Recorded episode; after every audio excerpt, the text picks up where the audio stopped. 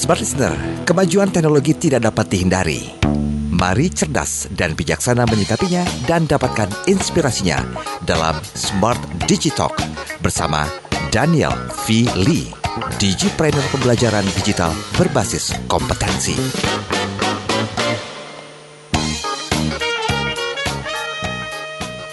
Oleh masa PPKM um, level 4 ya diperpanjang sampai dengan tanggal 25 Juli 2021 yang berarti kita tambah lagi nih seminggu untuk work from home dan waktu um, cukup luang ya. Biasanya kalau waktu luang kita bergunakan untuk buka smartphone dan membuka sosial media dan kalau pengamatan saya banyak sekali nih informasi-informasi yang uh, bisa dikatakan disinformasi ya, um, informasi yang salah yang bahkan um, disebar hanya dengan hitungan detik jadi uh, ini juga salah satu virus yang menakutkan di masa pandemi COVID-19. Selamat malam semua listeners, apa kabar Anda? Semoga Anda sehat selalu dalam kondisi yang suka cita juga, walaupun mungkin ada beberapa dari Anda yang isolasi mandiri, cepat sembuh, cepat pulih, dan stay positif ya. Dan saya Audrey Juwana kembali menemani Anda dalam uh, Smart Digital. Seperti biasa bersama Bro Daniel sampai dengan jam 9. Hai Bro Daniel, selamat malam. Halo, selamat malam Audrey. Selamat malam semua listener semua yang bersama-sama dengan kita pada malam hari ini.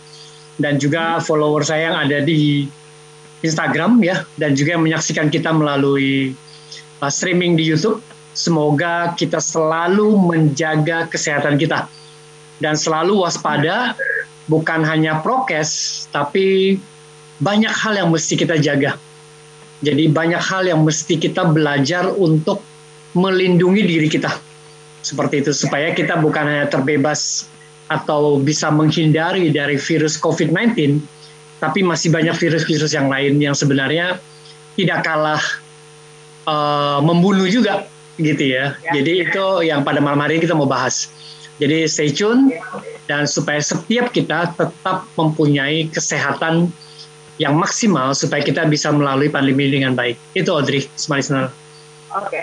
ya seperti yang Bro Daniel katakan ya bahwa virus-virus zaman sekarang tuh bermacam-macam ya Bro Daniel. Ada virus COVID-19, ada virus Delta, ada virus Kappa. Aduh banyak banget. Tapi yang paling menakutkan menurut uh, aku di akhir-akhir ini adalah virus kekhawatiran, ketakutan.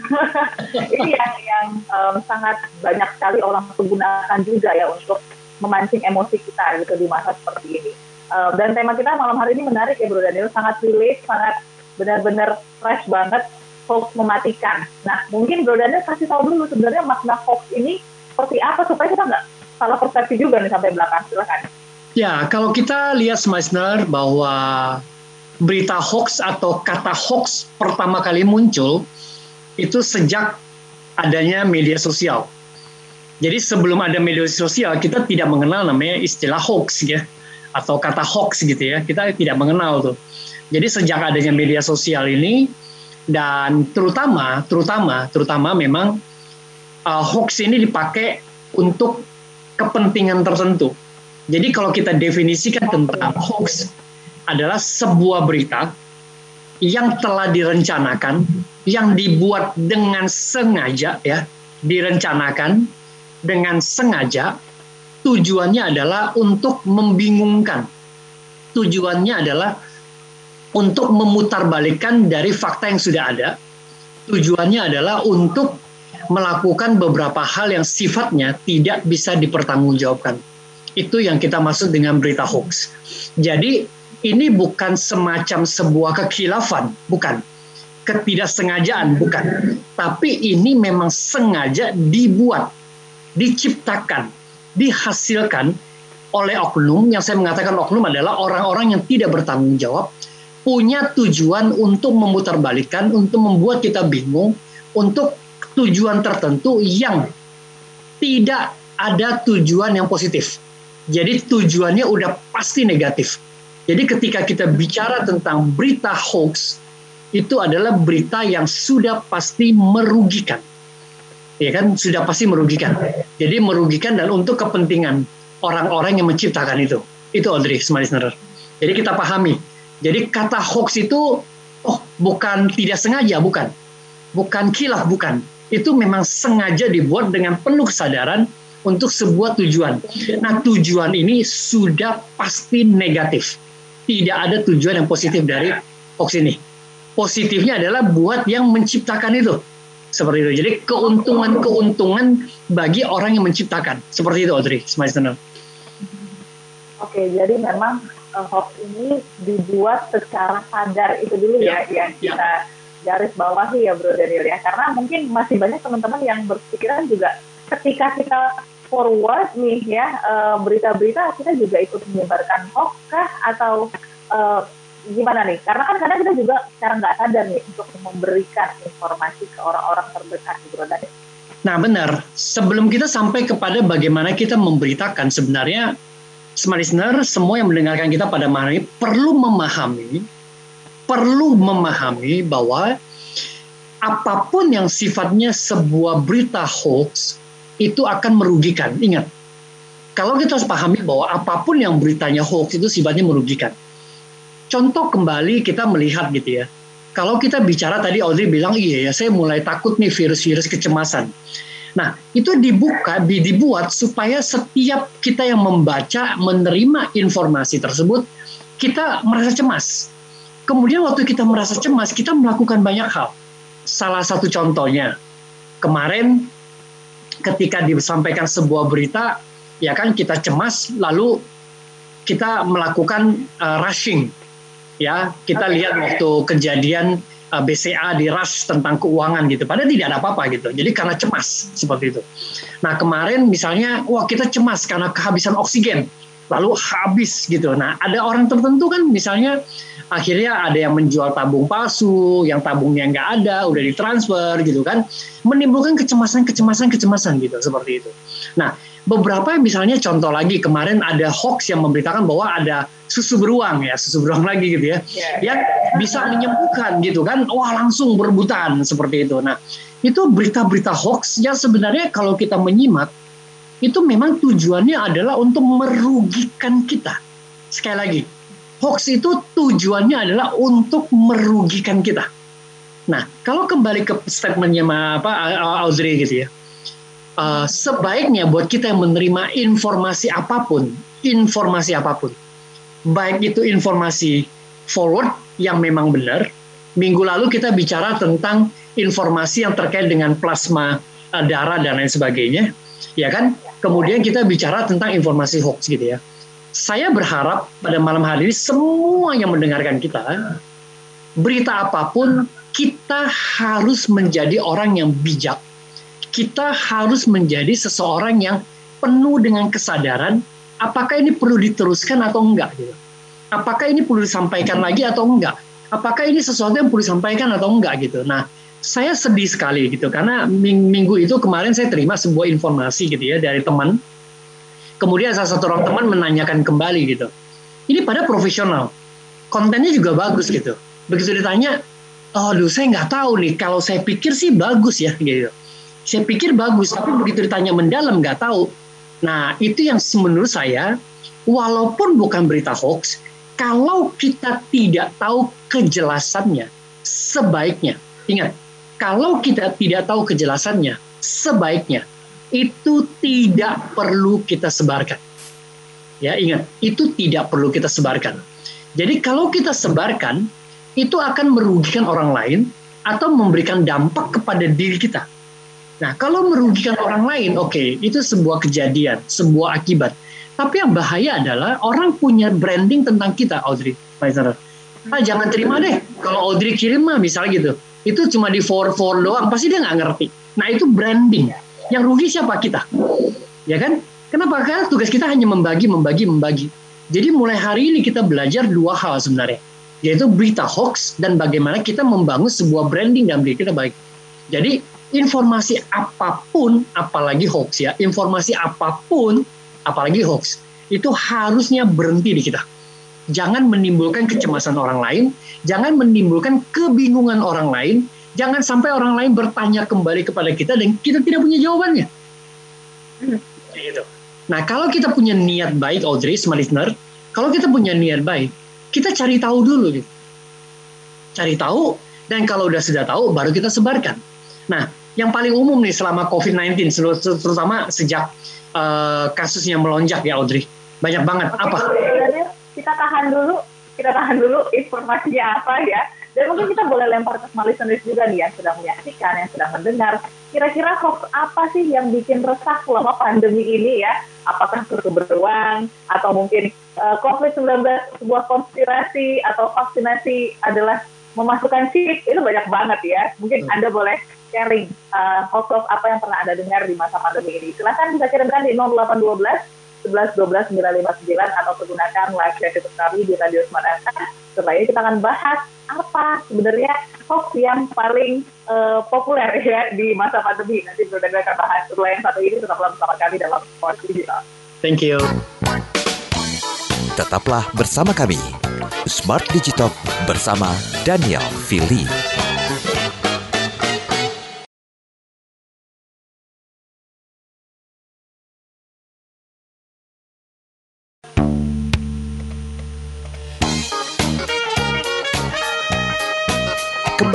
Anda ikuti Smart Digital bersama Daniel Fili.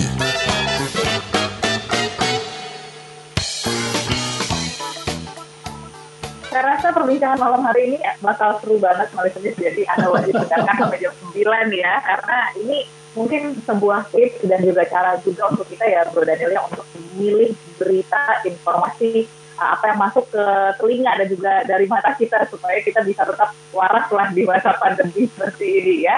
Karena ya. menurut uh, data ini aku lihat juga dari Kominfo hingga bulan Juni ya tahun 2020 ini sudah ada setidaknya 850 hoax tentang pandemi itu kan banyak banget ya. Tapi tadi Bro Daniel mengatakan nih hoax yang paling populer selama pandemi itu hoax yang yang mana nih Bro Daniel? Silakan. Sebelum kita sampai populer sebenarnya Audrey, okay, sebenarnya okay. Uh, yang tadi Audrey sampai di, di Kominfo juga saat dicatat bahwa ada 1.733 hoax COVID dan terkait dengan vaksin. 1.733 oh. seperti itu. Jadi ada sampai dengan Juli ini ya kalau kita lihat belakangan memang banyak banget Audrey untuk disampaikan. Nah sebenarnya yang saya mau sampaikan di sini adalah sebuah cerita yang di diungkapkan dalam media Kompas gitu ya dan juga dirilis di detik.com ya kan? Itu memang kita lihat bahwa kita tidak bisa main-main dengan COVID-19 memang bagi sebagian orang penyakit ini berasa ringan tetapi bagi sebagian orang lagi itu menjadi fatal. Makanya sangat berbahaya seperti itu.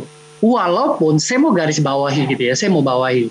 Sebenarnya COVID ini bukan sebuah apa bukan sebuah penyakit yang memang sangat mematikan. Enggak gitu. Justru kalau kita lihat jumlah kematiannya cuma 2,2 persen dari total kasusnya seperti itu kan. Cuman memang penyebarannya nah sekali lagi penyebarannya yang sangat amat cepat. Makanya jadi pandemi. Beda kalau kita lihat kasusnya demam berdarah gitu kasusnya demam berdarah itu ya dari 95 ribu kasus yang tercatat per Juli Juli kemarin itu kematiannya 661 itu lumayan besar gitu 70-an persen seperti itu. Ya kan? Dan in total ya dari kasus semuanya kayak itu eh, tujuh persen sorry tujuh persen. Jadi itu lumayan gitu. Nah itu yang membuat tapi karena itu memang tidak menular ya kan? Itu memang karena sebuah kejadian karena digigit nyamuk gitu ya. Tapi kalau lihat angka kematian itu dibandingkan dengan COVID itu beda sekali Audrey. Cuman memang ini penyebarannya sangat luas. Nah kalau kita lihat uh, ditambah kasus yang kita sampaikan bahwa kejadian yang meninggalnya seorang ayah dan ayahnya kenapa meninggal karena memang sebelum COVID, jadi dia mengakui memang ayah saya memang meninggal karena COVID lalu komorbid yang diabetes yang dialami juga gitu. Tetapi yang membuat mereka merasa kenapa hoax ya, kenapa hoax membuat mereka uh, percaya bahwa hoax ini mematikan ayahnya karena sebelum ayahnya tertular COVID, memang ada jadwal untuk melakukan yang namanya uh, vaksin Audrey. Makanya pemerintah menggalakkan vaksin kayak gitu. Nah, saya mendapatkan beberapa berita nih terkait dengan vaksin seperti itu ya. Jadi yang saya mau nyampe sampaikan ini adalah hoax, Audrey. Ini adalah hoax. Karena dibilang vaksin mengandung babi.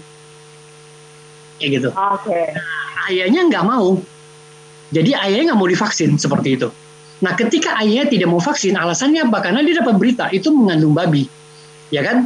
Kemudian mengandung babi, lalu anaknya berusaha untuk menjelaskan itu ke ayahnya gitu bahwa MUI aja sudah mensahkan ini dan halal dibilang gitu kan. Nah, bahkan ayahnya membantah karena hoax itu sudah mendarah daging, artinya dia baca terus gitu ya. Dia bilang ya. kalau kita harus takut, kita jangan takut sama COVID gitu. Ya kan, takutnya sama Allah, sama Tuhan dibilang kayak gitu kan. Ini membuat sebuah aksi, sebuah reaksi karena berita-berita tersebut membuat kita tidak melakukan sesuatu yang seharusnya kita lakukan, Audrey. Ya kan? Nah, kemudian ada lagi yang tidak mau melakukan vaksin. Kenapa? Karena dibilang ini nih, saya mendengarnya lucu sekali gitu. Memang ada juga eh, beberapa orang tanya ke saya, Audrey, itu karena saya mungkin di digital ya. Benar nggak Pak Daniel? Begitu disuntik, itu berarti kita dikasih chip di dalam.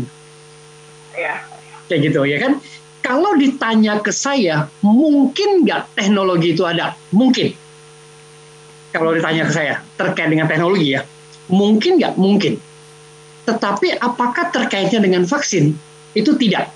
Saya berani menjawab, itu tidak. Kayak gitu. Dan kenapa? Karena ini memang pandemi dan memang menjadi concern seluruh negara dan kita lihat setiap negara itu menciptakan gitu loh kita lihat ada beberapa versi dan lain sebagainya. Jadi bukan maksud tertentu nih. Kenapa? Karena ini dikaitkan dengan uh, teknologi yang dihadirkan oleh Cina ketika kita bicara Xiaomi, bagaimana Xiaomi ternyata perang dengan Apple dan lain sebagainya gitu ya. Nah itu dimungkinkan hal-hal kayak gitu. Jadi dikaitkanlah dengan vaksin seperti itu. Nah kalau gitu kita lihat bagaimana orang Indonesia, ya kan kita, dokter Terawan menciptakan apa, eh, vaksin Nusantara gitu ya sekarang di accept kita bangga kan? Kayak gitu. Jadi kalau kita lihat keseluruhan cerita tidak sepotong-potong gitu ya. Jadi ketika kita bicara berita tentang bahwa vaksin dikasih chip itu adalah hoax sebenarnya. Kayak gitu ya kan? Jadi kita menyadari. Kenapa saya menyampaikan tentang berita ini? Karena penting. Sekarang kita mendukung pemerintah untuk menggalakkan setiap orang dengan vaksin Nah, ada lagi beberapa berita yang menurut saya, bukan menurut saya, memang itu benar gitu ya. Jadi, ketika seseorang sudah divaksin, waktu dia kena serangan COVID atau virus tadi, daya tahan dia beda dengan orang yang kena, eh, tidak belum pernah divaksin seperti itu. Jadi harapan kita seperti itu. Nah kalau kita udah masuk ke tahap kedua, ketiga gitu ya, harusnya itu kekebalan tubuh kita lebih baik. Pasti ada beberapa lagi yang harus kita lakukan. Misalnya olahraga, ya kan menjaga kebugaran tubuh. Lalu kita meningkatkan imun kita dengan cara kita makan makanan sehat, bukan enak ya. Makan makanan sehat yang penuh dengan gizi. Nah, mulailah kita belajar untuk memperhatikan diri kita gitu loh. Jangan sembarangan gitu karena tubuh ini perlu tubuh yang sehat gitu. Ya, itu Audrey. Oke, okay. yang yang menarik yang uh, tentang fit tadi ya Bro saya ingat jadi ada seorang stand up komedian yang sampai sarkas uh, mengatakan begini, kalau uh, kamu masih percaya sama uh, vaksin yang dimasukkan chip, jangan percaya karena kita keseluruhan aja kita sudah pakai ektp tapi kita masih disuruh fotokopi KTP jadi kita nggak secanggih itu. Gitu jadi, jadi ya, memang banyak juga gitu ya teman-teman yang mungkin punya pengaruh untuk um, memberi influence juga berusaha gitu ya untuk menutupi hoax ini dengan berita-berita yang lebih kredibel lagi nih Bro Daniel. Tapi sebelumnya mungkin Bro Daniel boleh bantu dulu kita. Kira-kira orang-orang yang uh, seperti contoh tadi uh, seorang bapak tadi ya, uh, atau mungkin teman-teman yang lebih percaya dengan hoax ini, apakah orang-orang yang mungkin kurang literasi atau mungkin selalu uh, apa ya percaya sama apa yang dia lihat tanpa cari tahu lagi atau orang-orang seperti apa nih yang mudah termakan hoax Daniel? Nah ini menarik sekali uh, sama listener atau Audrey ya yang menyampaikan ini memang kalau kita lihat seluruh rangkaian, biasanya adalah orang yang literasinya rendah sekali. Ya, orang yang literasinya rendah sekali. Jadi orang yang selain literasinya rendah sekali, orang yang punya social life juga sangat rendah sekali. Seperti itu. Kenapa saya bilang-bilang rendah? Karena dia hanya di lingkungan tertentu. Jadi tidak open mind, tidak buka lagi. Padahal kalau kita bicara di malam hari ini tentang smart digital gitu ya, kita bicara tentang dunia internet, dunia digitalisasi, sebenarnya kita tuh jangan lagi terkungkung di dalam satu komunitas kecil atau satu lingkaran kecil gitu. Kita udah bisa luas banget gitu. Dengan mudahnya sebenarnya gitu ya, ketika kita terima informasi, kita ketik aja di Google itu akan keluar. Akan bantu kita gitu. Jadi pada malam hari ini sebenarnya saya ingin mengajak kita semua, ayo digital literasinya itu bagus, ditingkatkan gitu loh. Pakai Mr. Google gitu, semua informasi itu ada. Percaya sama saya. Yang kita malas adalah kita meringankan tangan kita hanya menerima informasi dari sosial media. Itu itu yang salah Audrey. Okay. Ya kan? Kita tuh tiap hari bukanya Instagram, Facebook, Instagram, Facebook gitu. Tapi kita nggak cek lagi kebenaran. Nah ini menarik nih. Ada satu cerita aja tadi pagi ada saya punya satu komunitas gitu ya. Jadi salah satu uh, komunitas trainer gitu ya. Jadi isinya learning and development team gitu ya. Saya share mungkin mereka ikut malam hari mendengarkan. Jadi ada satu rekan kita yang memang trainer gitu, yang terkenal gitu ya. Dia benar-benar pass away gitu, meninggal. Sampai temen nanya, ini beritanya benar ya? Ini beritanya uh, uh, bisa dipertanggungjawabkan nggak? Nah beberapa teman, oh iya itu benar kok, kayak gitu. Ya kan itu benar dan itu udah dipublish dan itu memang udah rame juga kok di Facebooknya beliau dan lain sebagainya. Nah itu satu hal yang kelihatannya sederhana tapi itu harus dibiasain gitu. Ini benar nggak? Karena kita terlalu mudah, oh langsung belum apa-apa udah inailahi dan lain sebagainya gitu. Udah ngucapin apa tanpa tanpa melakukan counter check lagi gitu. Nah ini sisi yang lain yang terakhir nanti kita akan bahas. Jadi kita mudah tanpa kita memberi sebuah arti di dalam setiap ucapan kita. Itu juga karena akibat hoax gitu ya. Jadi kita udah terbiasa ya udah benar salah kita udah nggak nyaring lagi kata-kata kita yang keluar juga mempunyai makna atau tidak mempunyai makna udah tidak keluar juga gitu eh, udah tidak tidak kita resapi lagi Audrey listener. Nah itu yang bahaya. Lama-lama kita akan menjadi sebuah mesin yang melakukan fungsinya aja gitu. Jadi ada yang meninggal kita cuma vote apa berita duka cita gitu ya, habis itu udah selesai. Jadi tidak ada empati, tidak ada rasa lagi, tidak ada sebuah kepedulian, tidak ada rasa bahwa human being yang kita tuh mulai nongol lagi Audrey. Itu yang bahaya. Itu itu yang bahaya. Ya, okay. Ya, oke. Okay. Kita akan bahas lebih lanjut di Bro sudah banyak sekali gitu ya pertanyaan yang bikin kita penasaran di masa pandemi seperti ini. Dan untuk listeners yang ingin sharing kira-kira hoax apa yang mungkin paling bikin geram, kesel, bete gitu ya dengernya kenapa sih orang-orang share beginian gitu ya. Boleh silahkan kirimkan di 0812 11 12 959 atau untuk Anda yang sudah menyaksikan channel YouTube kami, yuk silahkan kirimkan um, apa pendapat Anda mungkin tentang hoax-hoax tersebut di kolom komentar. Dan kita akan kembali ya Bro Daniel setelah yang satu ini tetaplah bersama kami dalam Smart Digital.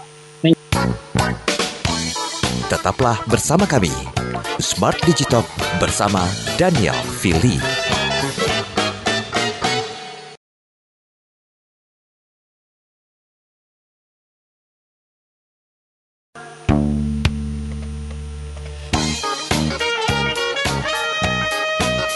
Kembali Anda ikuti Smart Digital bersama Daniel Fili.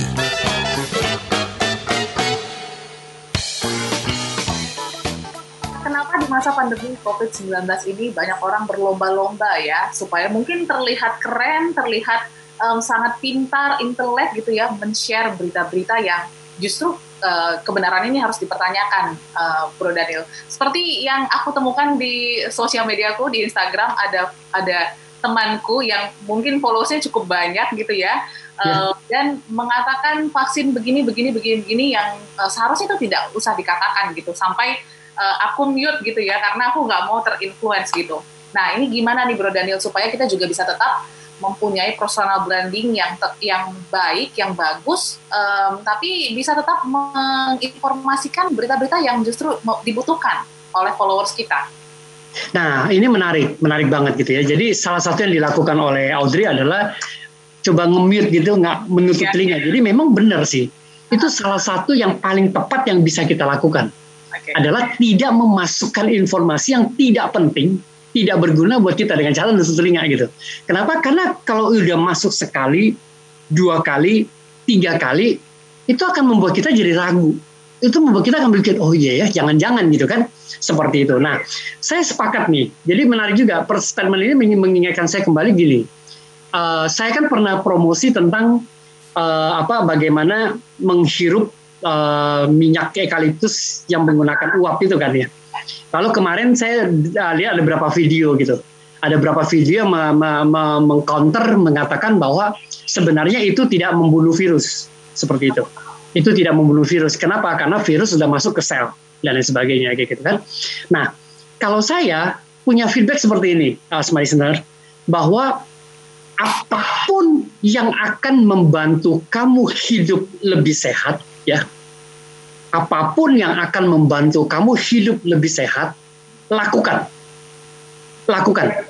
Jangan cari kebenarannya, just do it aja, lakukan aja. Kenapa?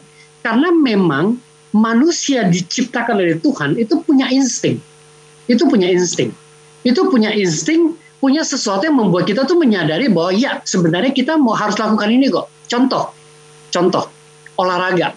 Kita semua tahu, kita semua menyadari bahwa olahraga itu penting, bahwa berjemur itu penting.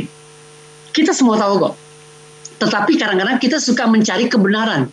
Tuh kata dokter itu kan, ya tuh, tuh kata dia. Nah, kata semua orang. Jadi kita mendengarkan kata semua orang, kita tidak melakukan apa pun. Itu yang salah. Kalau saya bilang, just do it. Kalau kamu bangun jam 8, jemurlah jam 8. Kamu bangun jam 9, jemur jam 9 gitu. Jangan misalnya aku udah bangun kesiangan, gak ya udah pergi keluar jemur gitu. Ya kan? Gitu lah. Ya kan kalau orang bilang Pak Deddy Kobusier barusan juga menyampaikan sebuah video yang sangat menarik. Saya pikir saya mau sampaikan juga pada hari ini.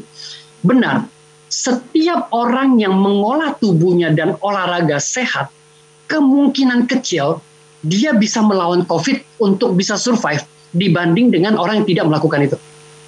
Ya, dibanding dengan orang yang tidak melakukan. Nah, kemarin saya ngikutin sebuah sebuah Instagram uh, live dari uh, Diana Christine berbagi gitu ya, DC berbagi, dia mengundang dua perintas apa perintas COVID yang udah sembuh kayak gitu. Nah, saya punya statement, saya tanya gitu, apakah kalian berdua uh, punya kegiatan olahraga rutin nggak? Nah, memang dia bilang enggak.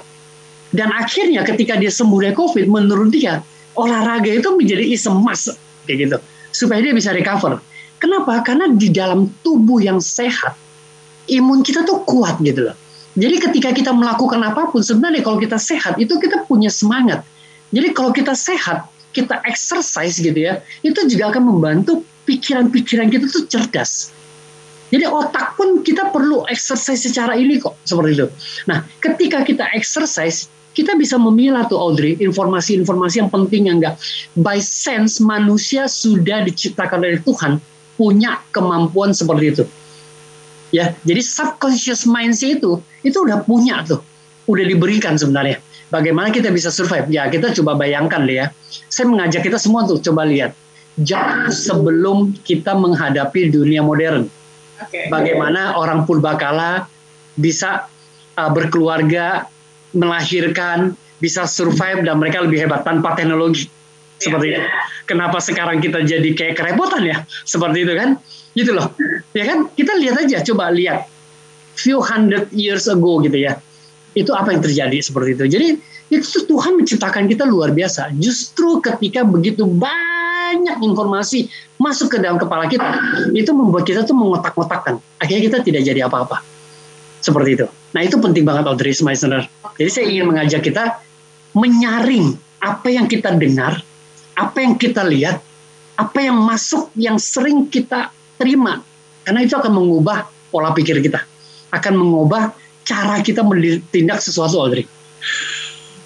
Okay ya. Yang menarik lagi Bro Daniel, um, seperti yang Bro Daniel katakan ya, kalau misalnya kita tahu hal itu positif, uh, mungkin um, dilakukan saja tanpa mencari tahu itu nggak apa-apa. Tapi kebanyakan masyarakat Indonesia suka banget kepo Bro Daniel ya, suka banget cari-cari tahu hal-hal lain, mencari pembenaran gitu ya mungkin ya, ya. untuk info-info lain gitu. Semakin banyak yang dicari tahu, ternyata semakin blunder gitu, semakin nggak uh, nggak nggak nggak pas gitu ya kata-kata yang keluar dari mulut kita. Nah ini gimana nih Bro Daniel untuk bisa uh, mencari tahu lebih banyak tapi mendapatkan kepastian yang mungkin baik juga untuk di-share ke masyarakat. Nah itu menarik Audrey. Tadi tadi sore saya belajar dari Jim Quick. Jim Quick itu uh, seorang Singapurian. Dia memang brand trainer gitu ya karena dia punya pengalaman memang sebelumnya dia punya problem dengan itu dan dia udah sangat terkenal gitu ya. Jadi dia mengatakan gini, uh, ketika kita kepo ya, jadi kepo itu kan kepanjangan ya, knowing every particular object gitu ya. Jadi artinya bukan cuma pengen tahu loh Audrey. Jadi kita sebenarnya pengen tahu kebenarannya gitu. Oke. Okay. Jadi pengen tahu kebenaran itu adalah untuk memberitahu kepada diri kita mencari tahu ini benar nggak sih? Ini salah nggak? Ini positif nggak? Ini negatif? Bukan kepo tuh, gue pengen tahu aja gitu. Lalu dibanding-bandingin gitu. Gue pengen tahu aja supaya jadi konten untuk celah orang gitu. Bukan itu, itu bukan kepo gitu. Nah Jim Quick mengatakan ketika kamu benar-benar kepo, kamu tuh mesti forget dia bilang gitu ya. Jadi dari satu terms yang bicara be fast, uh, be fast, fastnya itu S T, F-nya itu adalah forget. Dia bilang forget. Kita tuh mesti buang dulu, gelasnya dikosongin, kita isi gitu. Nah supaya kita belajar, bukan bukan mencari tahu untuk membandingkan, lalu kita punya tujuan di situ kan kita nggak belajar gitu. Nah ini memang susah Audrey, susah banget. Kenapa saya bilang susah? Karena kepo kita tuh udah mengarah ke negatif gitu kepo itu udah cari kebenaran sendiri, bukan mencari kebenaran yang sebenar-benarnya supaya kita nggak salah ngelangkah. Itu Audrey. Berarti maknai kepo itu sendiri sebenarnya kita juga sudah cukup salah karena kebanyakan kita ya itu seperti Bro Daniel bilang kita cari pembenaran supaya ada bahan untuk mungkin ya uh, debat gitu ya, debat kusir di kolom kolom komentar nih banyak juga kan kita temukan ya Bro Daniel ya. Betul, banyak banget. Justru kan kita nih di Indonesia, terutama di Indonesia, karena saya tinggal di Indonesia, jadi saya bilang di Indonesia, luar negeri saya nggak tahu gitu ya. Di Indonesia, kita itu banyak sekali membawa kesalahan-kesalahan yang menjadi kebenaran, Audrey. Jadi kesalahan-kesalahan yang udah kita lakukan berkali-kali itu jadi benar. Seperti itu. Nah, pembenaran inilah yang sebenarnya harusnya kita mulai meretelin. Mulai saat mulai kita mulai menjadi pribadi yang lebih jeli, pribadi yang lebih tangkas, pribadi yang lebih cerdas, pribadi yang lebih teliti gitu. Jangan telan aja gitu. Nah, kalau tadi balik lagi pertanyaan Audrey terkait dengan apakah orang-orang ini low literasi enggak? Sebenarnya kita tuh kejelian kita, ketangkasan kita, apa ke apa kekritisan kita itu udah nggak ada Audrey jadi kita nerimo aja gitu semuanya. Kayak gitu. Jadi begitu udah kejadian baru kita blow up gitu ya. Udah kejadian baru kita teriak-teriak gitu. Which is udah terlambat. Ya walaupun kita tahu tidak ada kata terlambat ya. Tapi buat saya sebenarnya preventifnya itu bisa kita lakukan di depan gitu loh sampai jangan sampai kejadian dulu ya kan makanya ada terms yang mengatakan kan lebih lebih susah biar lebih gampang minta maaf ya daripada minta izin kan. Nah itu biasanya udah terlanjur tuh Audrey. udah terlanjur gitu kan. Lalu di media media dikatakan oke okay, saya kilaf, saya minta maaf gitu kan. Nah sebenarnya itu tidak pantas buat saya sih. Itu tidak pantas karena harusnya itu bisa preventif gitu kan. Nah itu bentuk sebuah kesalahan-kesalahan yang dibenarkan karena melakukan itu gitu. Itu sih. Ya, ini yang yang miris dari uh, negara kita tercinta ini ya Bro Daniel ya. Tapi mungkin dari Smart Digital ini semoga bisa membuka mata beberapa orang ya, agen-agen perubahan kita bilangnya supaya bisa jadi sapam-sapam yang ada di sosial media setidaknya mungkin mengingatkan teman-teman ya. Saya sih senang sekali Audrey sejak saya terlibat di 2019 sampai hari ini, Aha. saya merasa apa yang saya sampaikan dengan uh, tujuan yang ikhlas gitu ya banyak dari teman-teman yang secara pribadi menyampaikan saya tuh, Pak, saya banyak belajar. Bro, saya banyak belajar gitu. Thank you untuk diingetin. Jadi personally dan lain sebagainya merasa manfaat gitu ya. Ketika di Instagram juga saya melihat banyak sekali orang yang nunggu juga gitu. Ya kan? Jadi, uh, oh iya saya belajar. Sebenarnya gini, saya sharingkan sesuatu yang menurut saya sehari-hari kita lakukan gitu. Ya kan? Karena bangsa ini kan tanggung jawab terhadap kita. Kita mungkin tidak akan bisa mempengaruhi seluruh orang Indonesia gitu ya. Tapi kalau kita mulai dari orang-orang kecil, kalau kita mulai dari keluarga kita, kalau kita mulai dari keluarga kita, harusnya ada orang-orang yang membawa dampak gitu ya. Ada orang-orang yang membawa dampak seperti itu. Jadi ya saya pengen kita membawa dampak lah ya. Jangan salah satu misalnya uh, Pak Erick Thohir aja kaget gitu. Ternyata di balik apa Astra virus apa uh, vaksin Astra itu ada orang Indonesia di sana. Seperti itu gitu kan. Bahkan kita lihat saya sangat bangga dengan siapa namanya uh, yang menemukan itu dia tidak mau dibayar loyalty. Ya kan? Nah ini kan sebuah berita yang kalau kita kaitkan dengan chip tadi itu nggak ada hubungannya Audrey. loh, dia menciptakan dia give for free gitu. Padahal dia bukan dia orang seorang yang sangat terkenal gitu. Dia seorang profesor dan lain sebagainya gitu ya. Jadi di Oxford gitu ya. Jadi uh, dia give for free gitu. Jadi nggak ada connection ya kalau menurut saya nggak ketemu gitu. Kalau ini di politik dan lain sebagainya. Ini memang sebuah wabah sebuah uh, apa sesuatu yang kita alami bersama-sama harus kita lewatin sama-sama. Namanya pandemi gitu.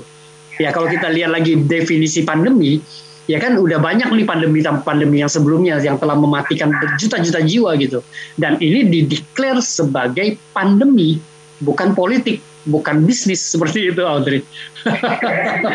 Bahkan juga di beberapa film beberapa serial juga pernah membahas corona yang memang karena pernah kejadian di beberapa beberapa tahun ya bahkan mungkin namanya mungkin bukan corona atau mungkin jenis virus yang lain ya SARS-CoV. Sebenarnya kalau kita nonton film ya nonton film-film Hollywood kadang-kadang gini ini kayak prediksi apa sebuah prediksi gitu.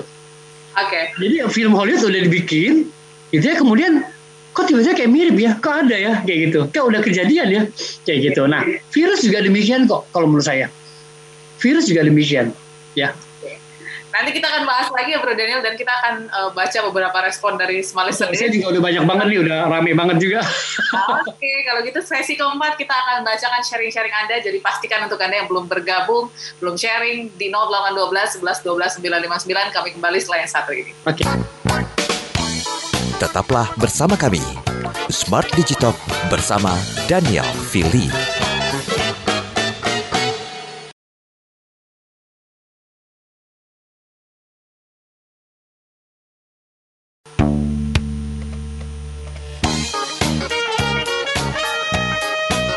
Kembali Anda ikuti Smart Digital bersama Daniel Fili.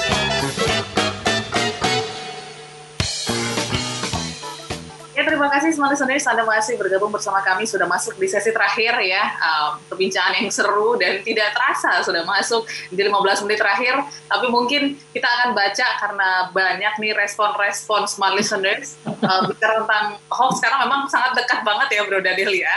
Wah, kita, itu tiap hari itu. makanan tiap hari. Oke, kita ke Venita dulu ya yang ada di Bogor yang mengatakan um, berita tentang ivermectin nih yang kemarin membuat saya resah ya. Uh, saya sebenarnya orang apoteker nih dan banyak yang mispersepsi bahwa ivermectin itu menyembuhkan padahal ini sebenarnya obat untuk terapi COVID-19.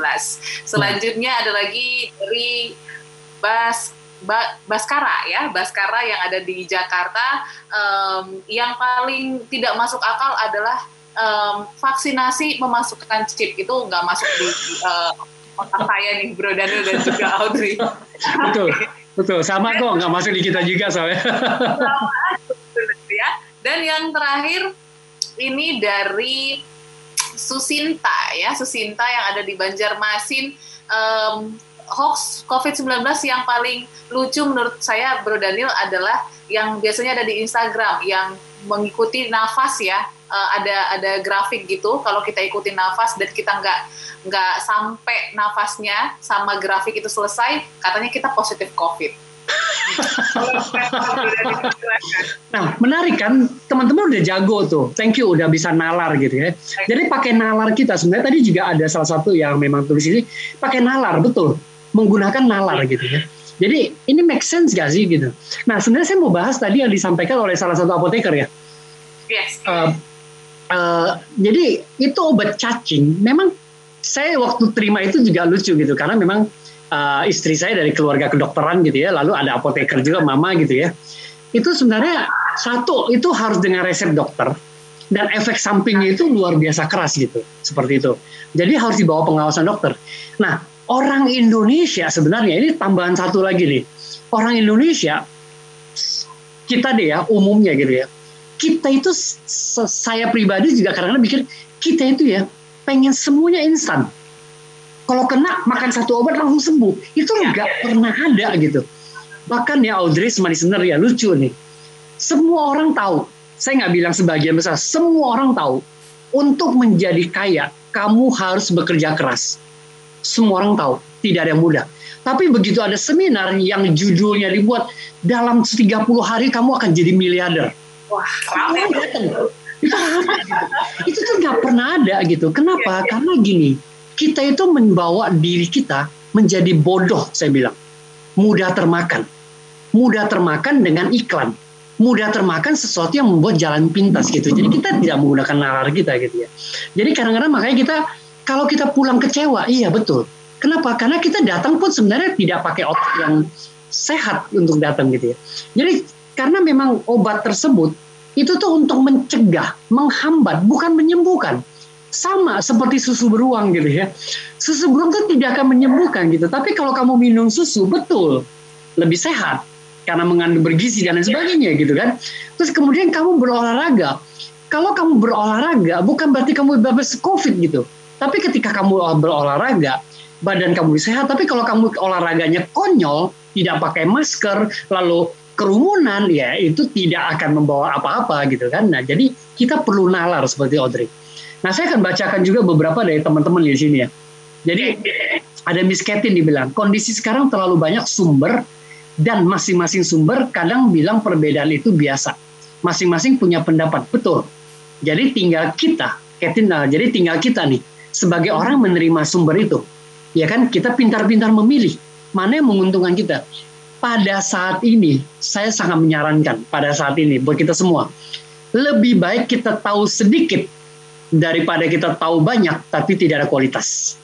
Lebih baik kita tahu sedikit daripada tahu banyak tidak ada kualitas. Contoh, saya nggak pernah cari tahu atau nonton tentang kematian COVID yang jumlahnya berapa banyak.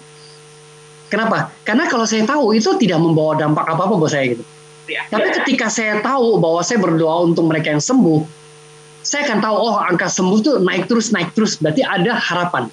Makanya saya bisa bandingkan bahwa kematian itu cuma 2,2 persen, ya kan dari kesembuhan gitu ya.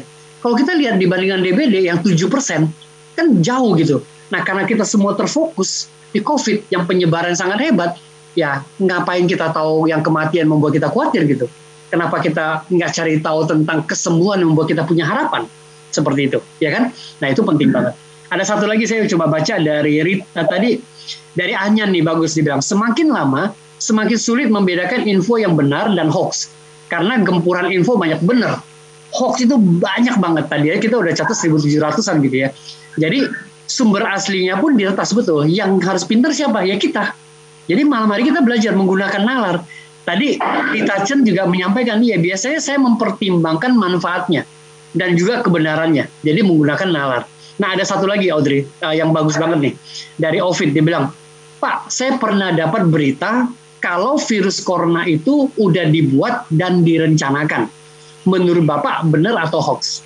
Nah saya bilang itu statement, itu assumption, itu praduga yang sekarang sedang diselidiki juga seperti itu. Jadi itu bukan hoax, itu bukan hoax. Kategorinya bukan berita untuk membingungkan, bukan itu sebuah statement yang sekarang dicari tahu uh, di beberapa berita juga disampaikan kok. Jadi sekarang ada beberapa negara berkumpul gitu ya, uh, itu ke labs di Wuhan untuk mencari tahu tentang kebenarannya. Benar nggak kejadiannya gitu? Walaupun itu dibantah oleh labs di Wuhan gitu kan. Jadi statement itu itu adalah sebuah statement assumption yang sedang dicau cari tahu kebenarannya. Sebenarnya orang jadi punya curiosity. Kenapa sih hoax ini apa sorry? Kenapa sih virus ini sedemikian cepat dan sebegian ganas gitu penularannya gitu. Jadi orang pengen cari tahu gitu sumbernya dari mana. Mudah-mudahan ketika dia tahu sumbernya mereka bisa menanggulanginya dengan lebih baik. Jangan-jangan kalau nggak ketahuan mungkin ada versi yang lebih ganas lagi mungkin laundry gitu kan. Nah ini sifatnya pencegahan. Jadi kategori ini bukan hoax kayak gitu. Karena ini tidak membingungkan. Ini sedang dicari tahu dan statement ini jelas dari pemerintah kayak gitu ya. Nah itu sih Audrey. Oke, okay. menarik, menarik ya. Ya dari followers Bro Daniel juga keren-keren. Terima kasih. Dan iya, orang-orang ngikutin terus loh. Saya thank you banget. Jadi setiap kali acara kita tuh mereka ikut terus gitu. Senang banget. Oke. Okay. Terima kasih dukungannya ya. Dan yes. uh, karena waktu kita juga cukup mepet banget Bro Daniel, mungkin boleh disimpulkan ya gimana caranya supaya kita tidak uh, mati karena hoax ya. Uh, karena seperti yang Bro Daniel bilang tadi, kita suka banget dirasuki hoax sampai kita nggak mau percaya sama kata-kata lain. Silakan. Uh, Smart Listener, Audrey, ini juga sekaligus mengingatkan kepada saya, keluarga saya, sahabat-sahabat saya juga gitu ya. uh, sebelum kita bicara tentang hoax, apa pun yang kita baca, apa pun yang kita tonton, apa pun yang kita lihat, sebenarnya itu akan berpengaruh kepada pola perilaku dan pola pikir kita. Ingat, jadi semua yang kita terima dengan panca indera kita itu akan mempengaruhi pola pikir dan perilakunya kita. Nah, kalau kita bicara tentang berita hoax, ya, yang kita tahu bahwa berita hoax itu tujuannya adalah untuk membingungkan, untuk menyesatkan, untuk membuat kita cemas, untuk membuat kita bertindak sesuatu yang arahnya sudah pasti negatif. Jadi kalau kita konsum itu tanpa kita menggunakan nalar kita, tanpa kita lakukan cross check lagi, itu akan mengibatkan fatal buat kita.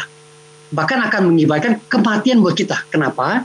Karena jadinya kita percaya sama berita itu sehingga kita menolak untuk melakukan hal-hal yang seharusnya kita lakukan. Contoh, ya kan ada orang sampai hari ini bilang corona itu nggak ada, dia nggak mau pakai masker. Kan konyol seperti itu ya. Kematiannya udah berapa banyak seperti itu, bukannya di Indonesia gitu kan. Nah itu bentuk kekonyolan yang membuat orang melakukan. Mungkin nggak? Mungkin Mungkin. Karena dalam bentuk literasi yang sangat kecil dan pengetahuan yang sangat rendah sehingga mereka main percaya aja gitu. Itu bisa aja seperti itu. Jadi memang tujuannya ke sana. Jadi mulai hari ini, mulai hari ini semua berita yang kita terima kita pikirkan lagi, kita pikirkan lagi dan kita olah sebelum kita teruskan ke orang lain. Tadi ada statement dari uh, dari siapa? Dari Litation bagus banget gitu. Manfaatnya apa buat saya? Kalau nggak ada, nggak usah diterusin. Kalau nggak ada, langsung di delete. Ya, saya juga merasakan. Tapi kalau ada, kalau ragu-ragu, cari tahu di Om Google. Bener nggak berita ini? Sedikit aja kita effort. Kenapa? Karena itu akan membantu kita. Kalau itu benar, ketika kita forward ke orang lain, itu membawa dampak yang bagus ke orang lain. Kalau tidak benar, itu kita berhentikan di kita, kita tidak meneruskan lagi ke orang lain gitu. Jadi itu juga berdampak buat kita, buat orang lain. Jadi mulai hari ini, lakukanlah yang terbaik, gunakan atau apa pemikiran kita, kecerdasan kita supaya impact positif yang kita bawa terhadap diri kita dan juga lingkungan sosial kita. Itu Audrey. Oke. Okay. Dan seperti fakta juga yang dipaparkan ya beberapa um, statement dari pemerintah juga mengatakan bahwa hoax-hoax ini juga yang memperparah kondisi pandemi di Indonesia ya. karena literasi kita yang kurang juga. Jadi, um, smart listeners, kami terus ingatkan Anda untuk selalu perhatikan apa yang Anda baca, apa yang Anda dengar, apa yang Anda tonton. Um, kalau bisa ya hal-hal yang positif aja yang masuk di uh, zaman-zaman uh, sekarang yang pasti yang bisa membuat Anda menjadi manusia yang berkualitas. Dan uh, terima kasih untuk Anda yang sudah sharing, sudah mendengarkan, sudah mendukung selalu Smart Digital. Sehat-sehat terus dan jangan lupa untuk vaksin ya, karena vaksin itu yes, harus mati, bukan chip ya. Jadi silakan boleh ke paskes-paskes terdekat. Dan waktunya kami berdua untuk pamit Smart Listeners, saya Audrey Joanna. Saya Daniel Feli, Smart Digital. Membangun, membangun manusia sosial cerdas berkualitas. Bye-bye. Anda baru saja mengikuti Smart Digital, inspirasi untuk cerdas dan bijaksana menyikapi kemajuan teknologi. Terima kasih dan sampai jumpa.